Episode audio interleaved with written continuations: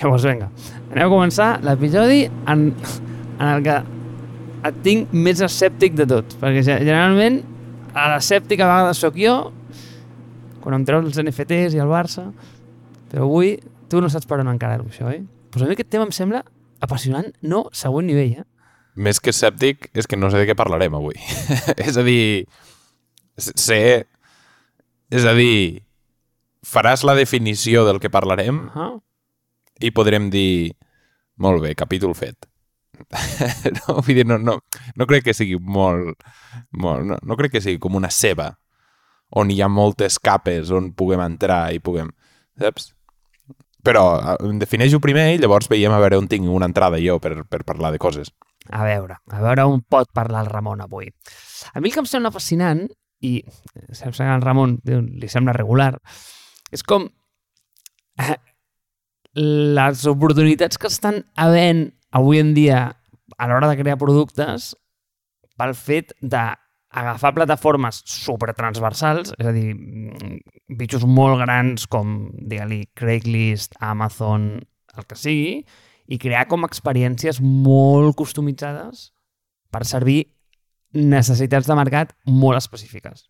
Llavors, el fet de que tinguis internet com a un vehicle que et porta una audiència, i crec que aquest episodi ja va començar amb l'episodi de Substack, que al final és una mica aquesta idea, el de, el de, el de bueno, pues, pues integrar un set de serveis del fet que tinguin sentit per atacar a una necessitat molt concreta de mercat en un moment, i això el que et planteja, bàsicament, tio, és com aquesta idea de, vale, mm, he identificat un segment de mercat i ara tinc l'oportunitat, com mai l'havia tingut, de servir-lo d'una manera extremadament específica i customitzada per ell. Llavors, a mi això, per què em sembla interessant? Tio, em sembla interessant perquè o sigui, em sembla com un moment únic a la història per crear coses i per servir verticals molt específics i em sembla com un molt bon moment per dir tio, si, si tinguessis que començar un negoci sigui, com, com el plantejaries a dia d'avui? És a dir, tu sé que ets un enamorat de l'Espai Juliu, que per cert hi vaig anar ahir. Tio, l'Espai Juliu, la idea aquesta de l'storefront que tu sempre veus eh, davant de l'Espai Juliu no podria començar si no fos per això. És a dir, si no, tio, t'aniries a Amazon i compraries una planta. No sé si m'explico. I jo crec que la, com la bellesa d'aquest capítol està en el fet de dir, vale, molt bé, quines oportunitats hi ha ara mateix a l'hora de crear negocis i què està possibilitant això tio, per, per, pel fet de, de que està generant una quantitat d'oportunitats brutals. A mi, no sé, és que em sembla un tema brutal, em sembla un tema fascinant. O sigui, és el, aquesta idea de com per fer menys tens més oportunitats encara. O sigui, per exemple, tio, agafes l'exemple de Craigslist i Airbnb i dius, tio, al final Airbnb era només com un verticalet molt petit de Craigslist i s'ha convertit, convertit en una companyia infinitament més, més valuosa. I Sí, però això no trobo que sigui... És que a, aquest és el problema que jo li veig a, a tota aquesta teoria. Això no és un, un, una oportunitat de mercat que es crea vull dir que es crea perquè Craigslist està fent massa coses. Això és una oportunitat de mercat que es crea perquè una companyia fa o no soluciona un problema de manera correcta. És a dir, ningú es ficarà a competir amb Amazon. És a dir, per exemple, Uh, podríem dir que pots crear un vertical de menjar per competir amb Amazon. Molt bé, Amazon et compra Whole Foods i llavors Amazon... Vull dir, ja està. Ja no pots competir amb Amazon. La única raó per la que tu compres les plantes al Joliu uh, és perquè Amazon no té plantes. A la que Amazon tingui plantes de qualitat igual que el Joliu, tu li compraràs a Amazon perquè t'ho envien l'endemà, tenen tot el... És a dir, tenen tota la infraestructura per competir amb aquell, amb aquell producte. Per això no entenc on... És a dir, si realment s'empaqueta o, o es desempaqueta o, o, o simplement és, és la teoria del jobs to be done. És a dir, hi ha una empresa que no està solucionant un problema de manera correcta, sigui gran, sigui petita, i llavors ens hi fiquem nosaltres, sigui companyia A o sigui companyia B, i llavors soluciona aquell problema. No? És a dir, per exemple, uh, ningú estava solucionant el tema dels smartwatches al 2010. I llavors Pebble, que és una companyia que no existia, crea un Kickstarter i crea un rellotge intel·ligent. Molt bé. A la que Apple, que és el bitxo, ho veu, crea un rellotge molt millor, és el rellotge més venut de la història i Pebble fa fallida. Llavors, no, no, no crec que hi hagi l'oportunitat perquè estem a un món... És a dir, no, no crec que siguem tan especials que estem a un, a un, a un, a un punt de la història concret o, o el que sigui, Simplement trobo que hi ha oportunitats perquè les empreses que ara dominen, que són agregadors de totes aquestes coses, no estan solucionant els problemes, probablement perquè no puguin solucionar els problemes de manera uh, específica al que tu necessites. Saps? Però a la que ho facin, els triaràs amb ells per al servei que et donen. És a dir, ja et dic, Amazon. Amazon és un grandíssim exemple. Com competeixes amb Amazon? A la que Amazon es fiqui a competir contra tu, ja no pots competir contra ells. Entens? Doncs jo no estic super d'acord amb això. O sigui, els exemples et diuen tot el contrari. O sigui, to, tots els mm, verticals que s'han pelat de Craigslist, per exemple, tio, són... Cada un d'ells és infinitament més valiosa que la companyia parent, o sigui, que Craigslist en si, i ja combinats és eh, desmesurat el percentatge de més valor que han creat cada un d'ells. Sí, home, Marc, però... O sigui, un, Craigslist no és una companyia com Amazon i dos, has vist el disseny de Craigslist? Que sembla una pàgina que t'hagin de raptar cada vegada que fiquis un anunci. És a dir, la confiança que inspira Craigslist és tan mínima que sí que és veritat que té... Quan, quants? És a dir, penso que té 50 treballadors i 200 mi, eh, milions de, de revenue o el que sigui. Ok, però, però no té la mateixa confiança que té Airbnb, per exemple. És a dir, llavors, no, Craigslist estava solucionant realment el problema o la gent era l'únic lloc on podia anar? És a dir, això és com dir, no, és que clar, abans, quan anaves al supermercat i trobaves tots aquells uh, busco trabajo o uh, busco uh, o dono repàs, classes de repàs, tal, i dir, no, clar, és que aquí hi ha hagut una oportunitat de mercat i llavors s'ha creat un uh, board d'anuncis com Craigslist. No, és que allò era una merda i ara hi ha una cosa una mica millor. I és com Airbnb. Airbnb és la versió millorada de la merda que era Craigslist. I Craigslist no ho va saber explotar perquè tu entres a Craigslist i penses, però això està trencat o què? No? Sí. I és que ho veus des de, per exemple, en el punt de vista d'Amazon, com únicament un problema de que, tio, no, sigui, és que ells no ho venen, eh, el dia que ho venguin jo m'aniré allà per un tema de comoditat. I aquí et dono el teu punt. Aquí et dono el teu punt.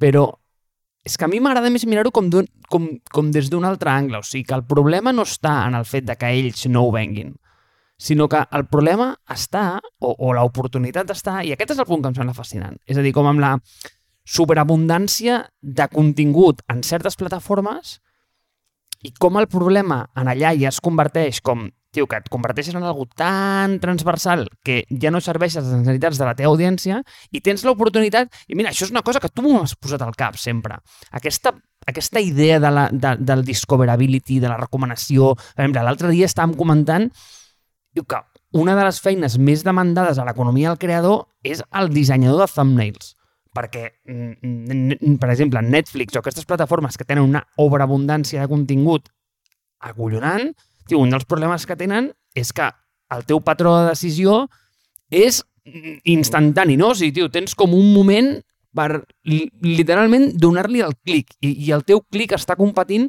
amb 30.000 creadors de contingut més. Llavors, només que el thumbnail i el títol sigui més interessant, ja ets capaç com de, de generar aquesta decisió molt més enllà del, del contingut. Per tant, el 50% de la teva feina és fer bon contingut. L'altre 50% és tenir un thumbnail de l'hòstia, per, per, per, per, per, dir, per, per dir una cosa, no? Llavors, no només jo parlo en verticals tipus Amazon, on estic d'acord que aquí és un problema de comoditat, sinó, ostres, és que eh, estava veient com la majoria dels reddits que tenen més de 2 milions de, de persones i a, a la comunitat, literalment s'estan convertint en productes. I, I aquí sí que no hi ha Déu que competeixi, però és que són, són, són productes que acaben monetitzant, quan, quan, quan a Reddit simplement eren comunitats, eren únicament comunitats. Clar, llavors, jo, i jo penso que acabo d'entendre de, el problema que jo tinc amb aquest capítol. Um, que és, no, no és que penso que el framing del problema és, és incorrecte. És a dir, no crec que sigui empreses grans es destilen a petites, sinó problemes no solucionats se solucionen amb altres solucions. És a dir, uh, tu, tu has estat mai a un Slack de més de mil persones? Bueno, és una merda. He preferit no estar-hi. Slack, Slack eh, un servei de missatgeria que va comprar Salesforce fa, fa no res, que competeix amb Microsoft Teams. Vull dir, probablement tinguis una o l'altra, però bueno, si no, WhatsApp, però per a empreses, no? Llavors, imagina't un grup de WhatsApp de 1.000 persones. Doncs pues lamentable. Llavors, què passa? Que es creen altres, altres productes d'això. Per què? Perquè ha existit una necessitat que WhatsApp no cobreix. Tu penses que si WhatsApp cobrís aquesta necessitat sortir, sortiria aquest problema? O, o sortiria una solució nova? No. Llavors, aquí, aquí és on... M'entens? No és que tu toquis molts verticals o que... O sigui, és que odio quan la gent comença a parlar d'horitzontals i verticals i ens hem de centrar en... No, és simplement tu vols solucionar aquest problema o no. Llavors Reddit probablement no estigui interessat en solucionar els problemes de comunitats amb més de 2 milions de persones. I si n'està, ho solucionaria. El que passa és que o són incapaços o no ho solucionen o no ho fan. Igual que Craigslist. Craigslist s'ha centrat des de fa 20 anys en mantenir aquest disseny de merda que té bueno, i en mantenir només 50 persones i ser bootstrapped i tot això, què passa? Bueno, doncs que perds negocis per tot arreu, absolutament perquè el, el disseny que tenies de la pàgina al 1990 encara et passava perquè la gent encara no sabia que era internet, però ara, si no tens una experiència d'usuari que sigui uh, mínimament decent, doncs clar, ets un drama, i Craigslist és un drama. I per això et dic que no és agafar una, una empresa macro horitzontal i centrar-te en un vertical, sinó que és solucionar... És a dir, és, és el, el framework del jobs to be done. Quin és el problema que hi ha i com el podem solucionar de manera diferent. Llavors sí que és veritat que tu et centres en una part del problema més concreta i aquesta és la part que em sembla fascinant a mi, que, que sigui com una, com una cosa refractal, no? que tu, mm, que, que com més zoom li fas, més igual és. I tu li vas fent zoom, li vas fent zoom, li vas fent zoom i, i vas descobrint problemes a les diferents capes, però no és que tu et centris, és que simplement estàs solucionant un problema que abans probablement no existia. És a dir, Facebook. Facebook podries dir que és el mateix. No, és que centra en un vertical. No és que es centri Facebook en un vertical. És que simplement fa zoom i diu com serà la vida connectada. I llavors fa així. Tinder, Tinder igual, no? Tinder estava a Craigslist abans que Craigslist era tot, però Tinder agafa i diu com serà la vida de les relacions futures i fot el zoom aquest. Llavors, Tinder ara probablement tindrà un altre problema, que és el problema de la confiança. Llavors, eh, pots confiar que no et facin coses estranyes o que no sigui un, un, un malalt del cap, la persona amb la que et trobis, etc. Llavors, si Tinder no ho soluciona, ho solucionarà un altre. I aquí anirem ficant capes, però no serà... És a dir, m'agrada molt més mirar-ho com si fos una ceba, però una ceba infinitament gran i que com més vas, mm, vas a dins, és a dir, no pots arribar mai al nucli de la ceba. Així m'agrada mirar-ho, però si ho mires com horitzontals i que et centres en un vertical, jo penso que estàs perdent l'oportunitat de tornar-te a centrar una altra vegada en un vertical que apareixi d'aquest vertical. Saps el que et vull dir? És que jo penso que estem parlant del mateix, però des de dos punts de vista diferents. És a dir, i, i, i, i, perquè, i perquè vegis el meu punt, eh? El que passa és que la ceba no es construeix des del primer dia. És a dir, tu primer tens una plataforma molt específica que a poc a poc la vas fent gran, la vas fent gran, la vas fent gran i, i, i va generant com aquest moment i és aquesta plataforma o, o aquest producte o el que sigui el que genera les oportunitats. És a dir... Està clar. Vale, però el, allò, allò on vaig jo és... Ostres, és que igual abans no sé si eh, has vist a les notes hi ha un que es diu Bonsai Mirai, que t'encantaria, vale? que és com un, una plataforma com de e-learning únicament per tallar bonsais. Hi ha una comunitat al voltant, tal... Bueno, en fi, jo no estic interessat en bonsais, però és nice. Tio, aquesta... Però veus, això em sembla una merda. Però no, però aquesta plataforma, tio, té èxit, funciona i només funciona i té èxit perquè Udemy no és capaç de, tio, de, de treure a la llum tio, tot aquest contingut de bonsais i no és capaç de capitalitzar sobre això i, i llavors tio, hi ha algú que ho ha detectat i ha dit, hòstia, tio, eh, podríem crear una comunitat per bonsais perquè hi ha comunitat aquí i aquest contingut no està triomfant en el seu mèrit a dintre d'aquesta plataforma. Llavors, tio, anem a treure'l d'aquí i anem a crear un vertical per això. I si pots treure com l'atenció per, per agafar únicament aquesta comunitat de tios de bonsais, que, tio, a saber on collons estan, tens uns oportunitats de negoci brutals. I a mi aquest és el punt que em sembla interessant. Però, clar, la ceba li tens que donar un temps perquè maduri. Saps o no? Tio, tio la, ceba, la ceba al principi és la llavor, saps? Llavors, si, si tu haguessis de, de començar un negoci ara, un producte... És a dir, anem-nos a ficar aquí com si, com si donéssim advice a, a la gent que... Què, què faries tu?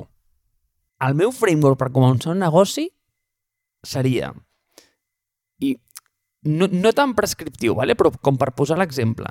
És a dir, jo crec que primer tens, necessites com aquest, aquesta informació més insider. Això és una cosa que sempre m'ha fascinat molt. És a dir, com veure el món a través dels ulls d'altra gent, no? És a dir, tu, mm, si mires segurament un bonsai, veuràs una cosa, i segur que el founder de eh, Bonsai Mirai mm, veu una cosa absurdament diferent. Llavors, primer de tot, intentar entendre on estan aquestes comunitats que no estan servides. Eh, en el mateix en el mateix article on, on, on, on sortia el tema de Bonsai Mirai també hi havia com, com aquest framework de dir, vale, eh, ves a Reddit, per exemple, mira quines comunitats tenen tant engagement i tanta gent i possiblement en allà tens una comunitat que no està servida. Llavors, jo, el meu framework per fer-ho seria, ok, entén primer quatre coses. Primer de tot, que el tamany del mercat que vas a servir és suficientment gran. Perquè si sou tres, a veure, fill, està bé, però si la, la, si la teva addicció a la vida són les peces eh, quadrades de l'ego, tio, igual necessites obrir una mica més el foco, ¿vale? O sigui, estàs, eh, estàs tancant massa, ¿vale? Igual també, no sé, mm, eh, s'ha segmentat amb l'ego de Star Wars, per dir alguna cosa, saps? Un parèntesi. Sí. Saps que Duplo, que és el logo de nens petits, és el doble de gran que una peça de Lego i per tant si tu fiques dos peces de Lego i un Duplo encaixen perfectament? Final de parèntesi. Tio, no ho sabia, però em sembla fascinant. Veus? Veus com hi ha audiència a tot arreu? Veus, tio? Joder, Ramon, encara haurem de, encara haurem de començar, tio, a fer un bloc de, de peces quadrades de Lego, tio. tio Digues, digues. mítiques coses que només saps tu, eh? en fi, tio, primer, mira, a mi aquests quatre punts em semblen crítics. El primer és el tamany del mercat. Aquest seria com, com el meu framework. És suficientment gran? Hi ha eh, duplo aquí o no hi ha duplo aquí? Aquesta és la primera. La segona és, pel fet de verticalitzar el producte, jo puc crear una experiència millor que la que està creant la plataforma mm, mm, pare. I aquest punt, de veritat, eh, jo crec que no pot ser eh, subestimat, eh? perquè al final hi han coses que tu no pots, pel fet d'estar verticalitzades, fer-les millor o pitjor perquè no da más. O sigui, no, al final no, no hi ha profunditat eh, en, en pelar la ceba. Tio, tens la pell de la ceba i està bé, però bueno, tio, té, té el mateix gust que l'altra ceba. Vale? Vull dir, no, no, no, no té molt sentit pelar-la. Eh, però si tu pots crear com, i mira, tornem a l'exemple de Craigslist i Airbnb, pel fet de tenir com aquell vertical, doncs què pots fer? Doncs pots dir que eh, pots, mm, i en un exemple molt bàsic, eh? però pots taguejar el teu contingut de forma molt més granular i pots dir si aquell pis pues, té aire condicionat, eh, sauna o, o piscina climatitzada, el que vulguis, vale? o rentadora.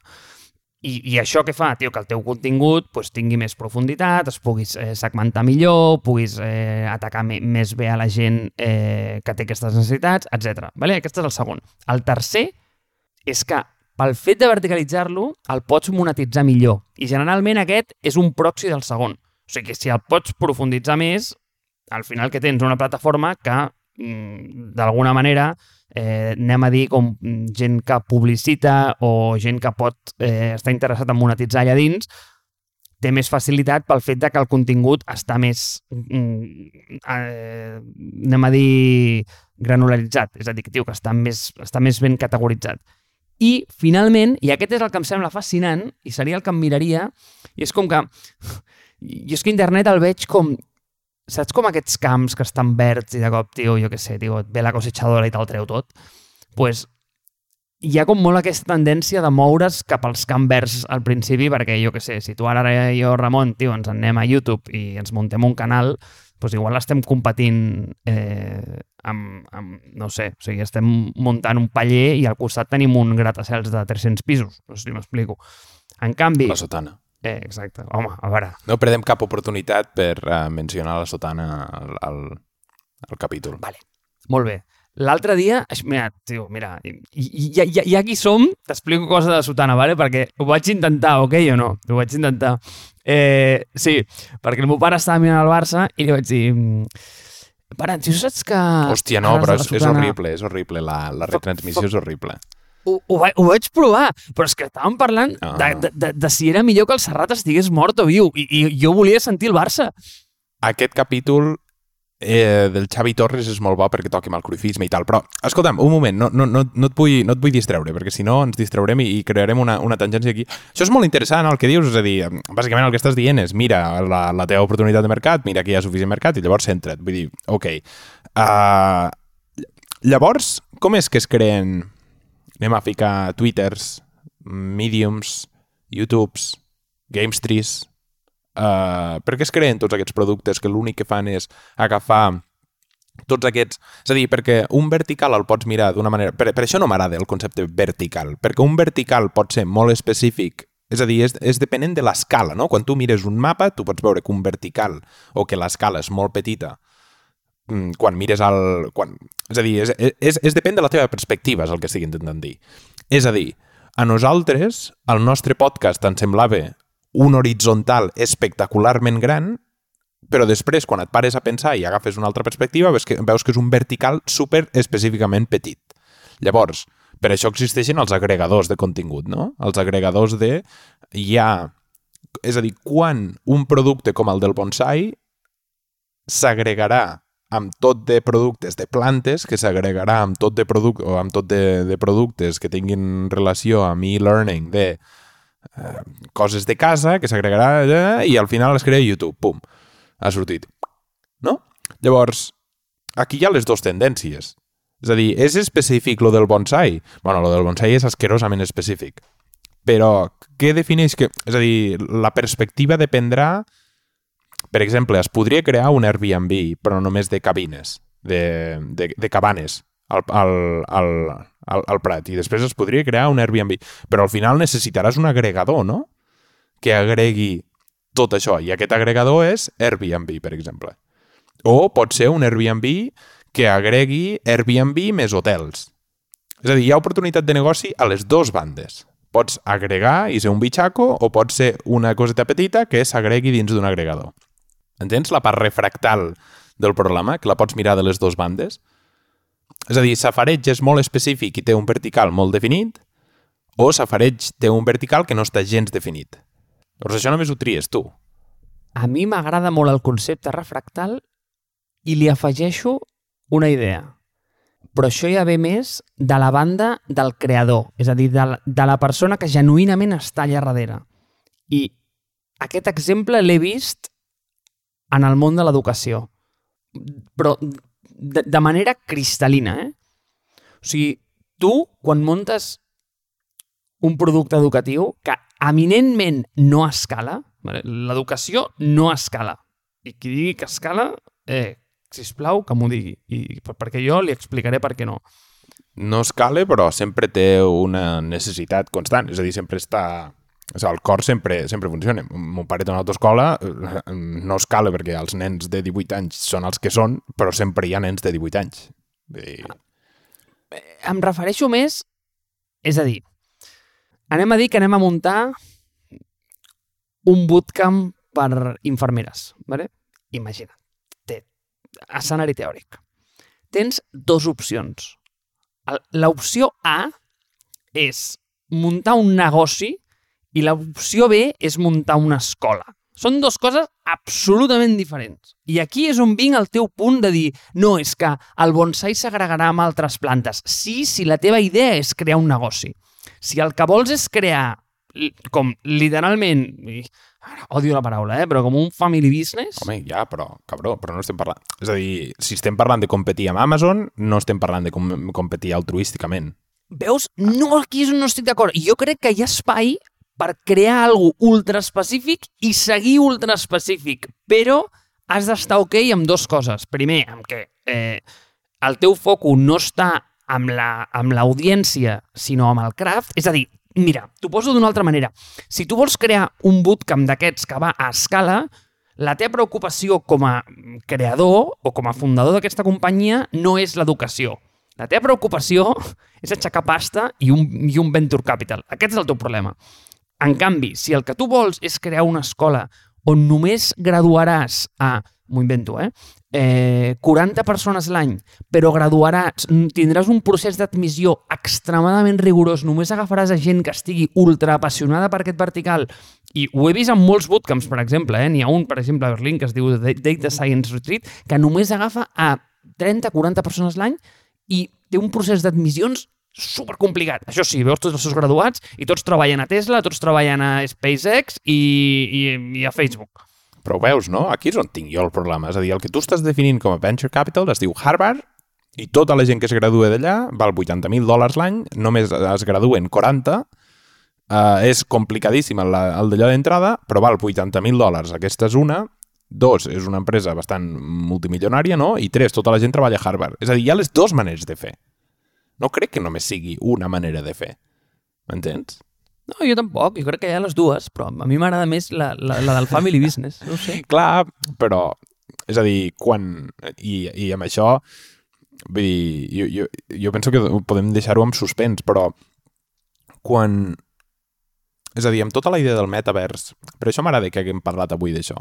Perquè amb tota la idea del metavers, i una de les coses que a mi m'apassiona més i, i que m'agradaria parlar-ne, que és quan la gent, és a dir, l'income aquest uh, universal, no? És a dir, que la gent guanyi calés sense fer res. Quan, quan nosaltres tinguem establert això, jo penso que sí que ens dedicarem a, a fer family business, però ara mateix em costa pensar com dins del nostre món hi ha la possibilitat de crear aquestes coses només perquè tu les vols crear i perquè les vols... És a dir, al final, si, és a dir, no crees tota una plataforma i no pagues el contingut i no pagues el cost, etc etc etc. si al final el que no vols és... És a dir, si, si ho, dir, no ho fas altruísticament.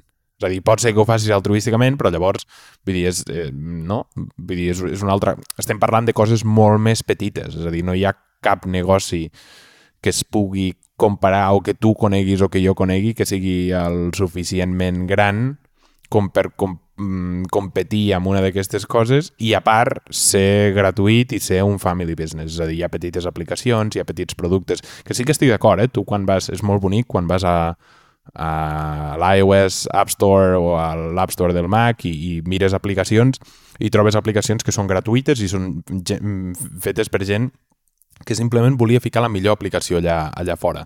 Això m'encanta, m'entens? M'agradaria tenir-ne cinc, però però vull dir, llavors no estem parlant d'obrir un negoci, estem parlant d'obrir una...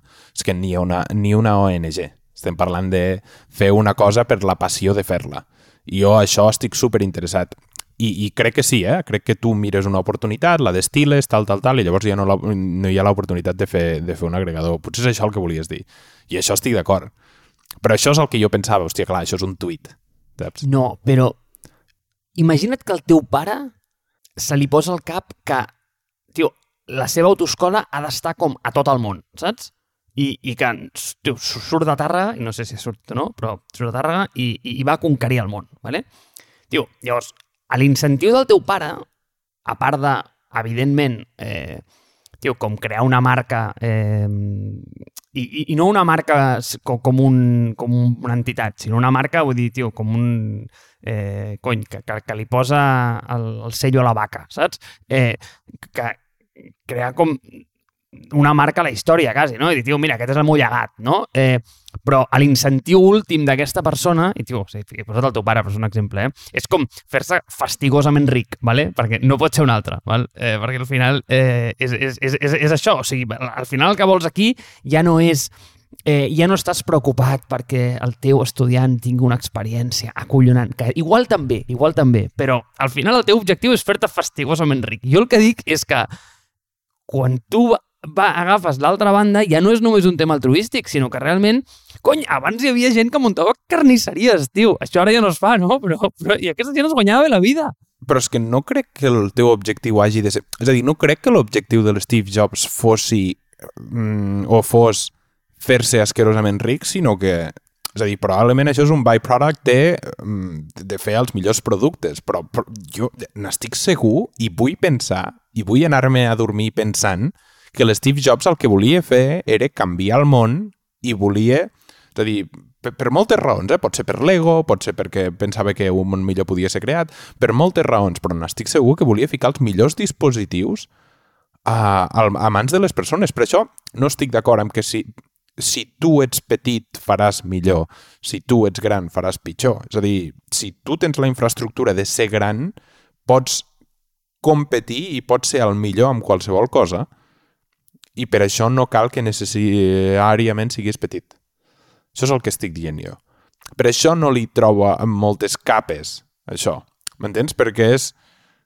Agafa un problema que tingui suficient audiència i, i bàsicament fica-li tot el possible per intentar fer el millor i llavors els calés hi arribaran després. Si hi ha suficient audiència i tens el millor producte, és com el...